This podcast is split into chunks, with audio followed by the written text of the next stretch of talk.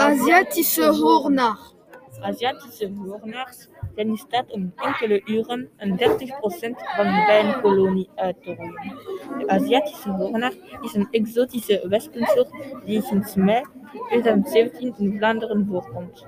Hij kwam Europa binnen via een bonsaikwekerij in Frankrijk in 2004 en heeft zich sindsdien verspreid over Spanje, Portugal, Italië, Duitsland, Groot-Brittannië, Nederland en België. In november 2017 stond de teller op 15 waarnemingen in België, waarvan 6 in Vlaanderen. Vandaag, nee, vanaf 2018 werd de soort in alle provincies waargenomen en breidde sterk uit. Van de Aziatische hoornaar zijn 13 verschillende kleurenvormen bekend in Zuidoost-Azië. Daarvan is enkel de donkere ondersoort Vespa valutina uit Europa bekend. Bij deze kleurvorm. Het borststuk is zwart. De poten zijn zwart met opvallende gele uiteinden. Het gezicht is rood-oranje. De twee laatste achterlijfsegmenten zijn geel-oranje.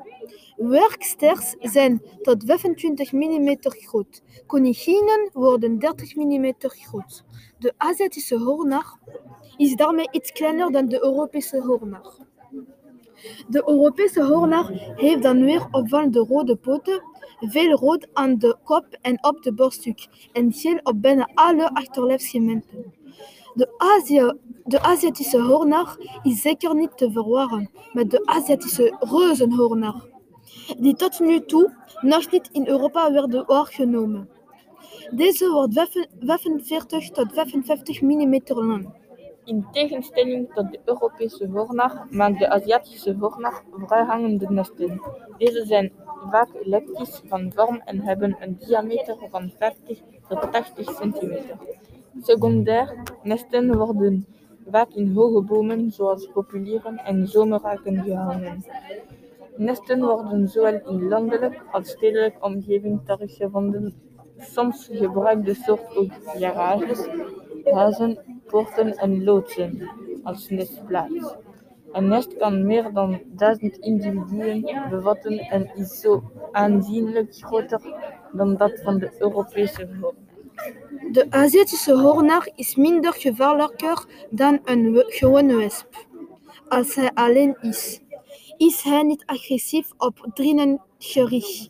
Maar in, in nabijheid van zijn nest kan hij, net als andere wespen, wel erg defensief worden.